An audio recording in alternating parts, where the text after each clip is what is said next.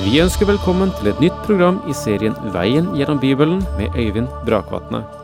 Denne studieserien er produsert av P7 Kristen Riksradio og bygger på serien Through the Bible av Vernon McGee. I dag fortsetter vi med gjennomgangen av Tredje Mosebok,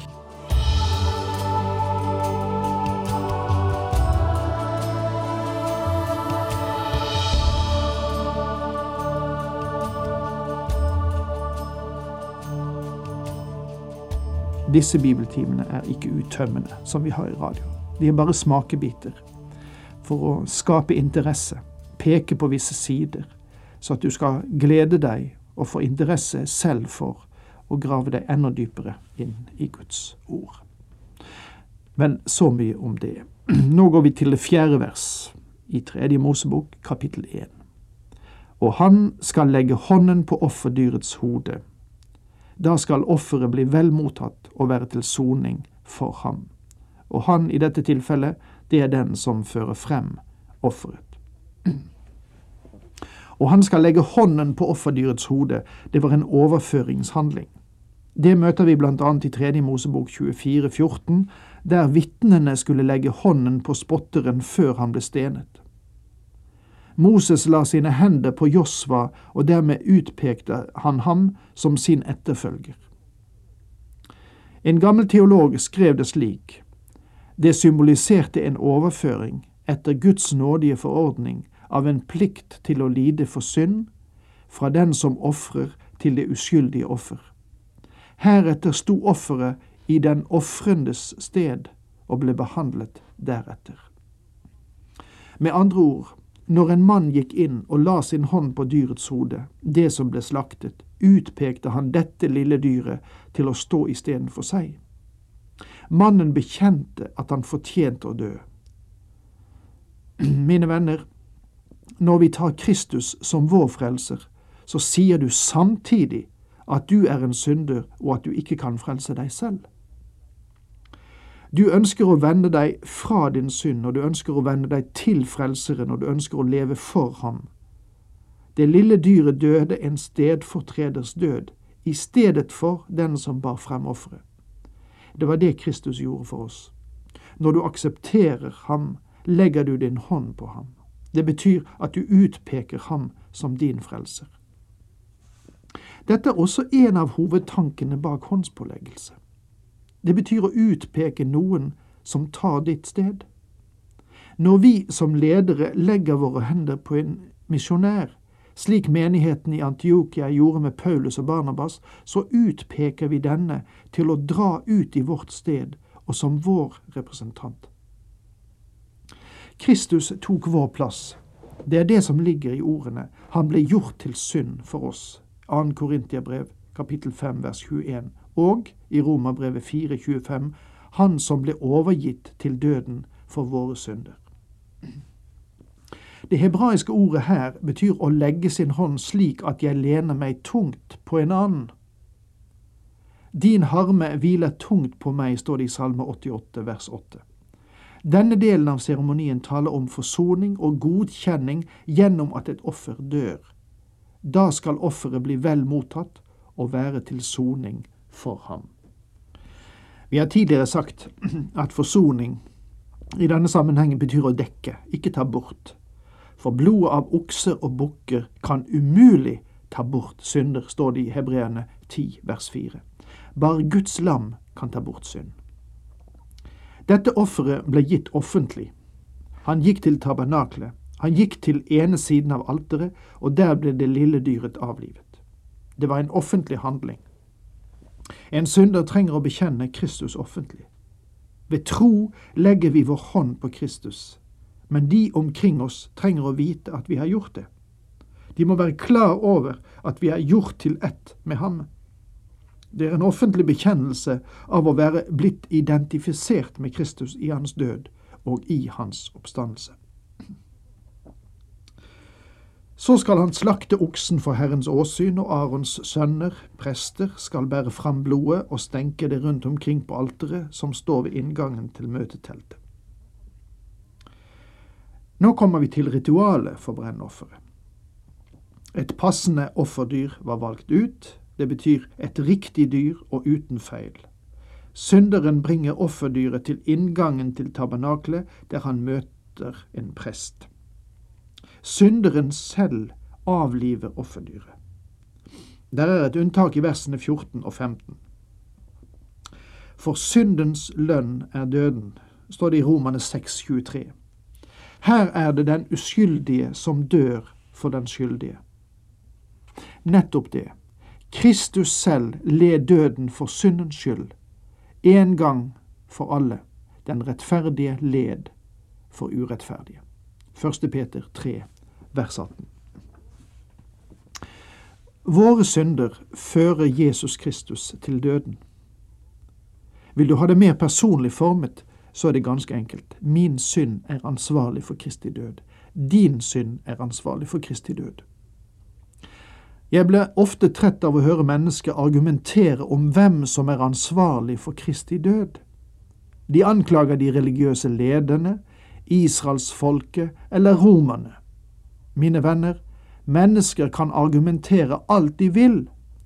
Faktum er at om jeg ikke hadde vært en synder, og om du ikke hadde vært en synder, ville ingen ha behøvd å dø i vårt sted. Det var vår synd som rammet ham og førte ham til døden.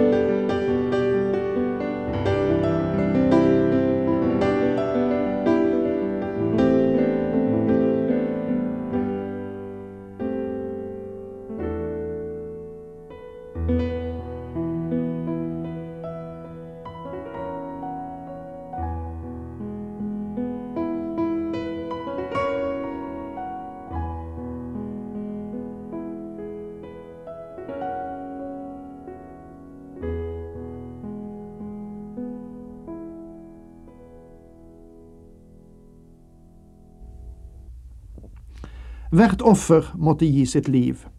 Enten synderen eller presten som handlet på vegne av folket, tok livet av offeret.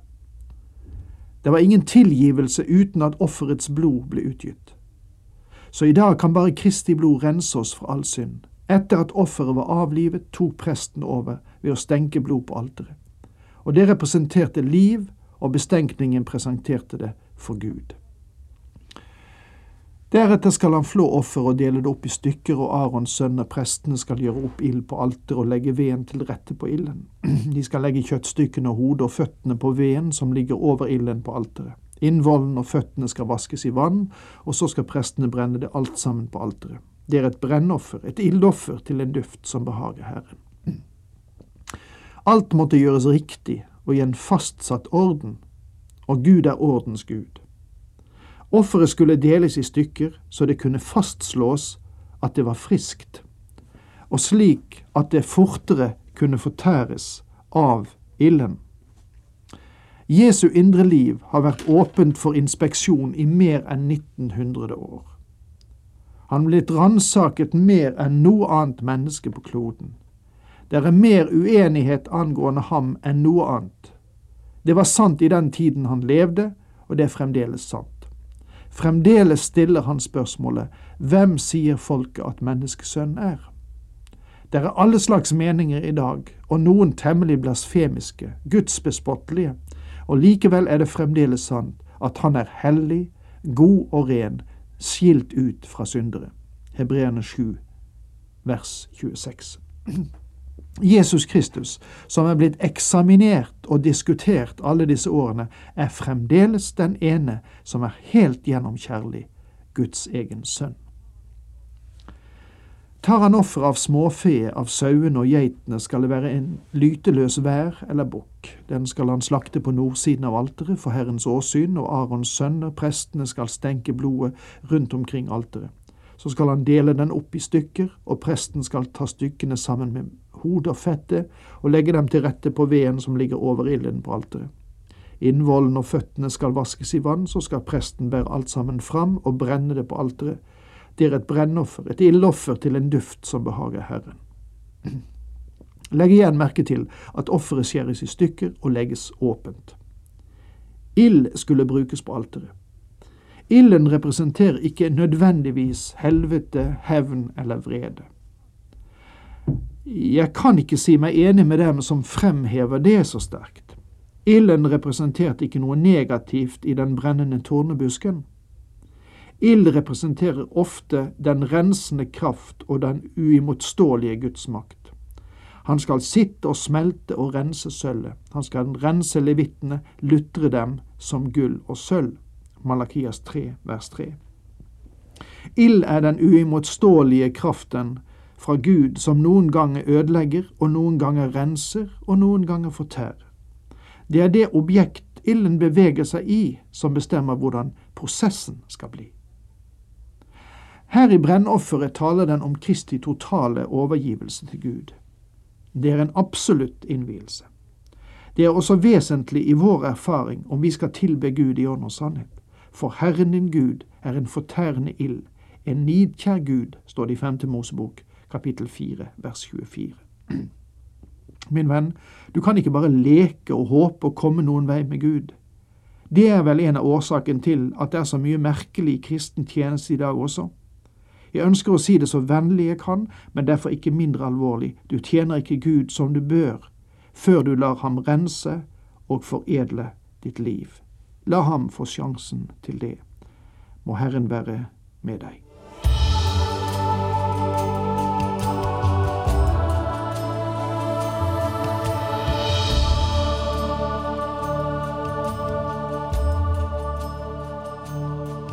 Du hørte Øyvind Brakvatne i studieserien Veien gjennom Bibelen.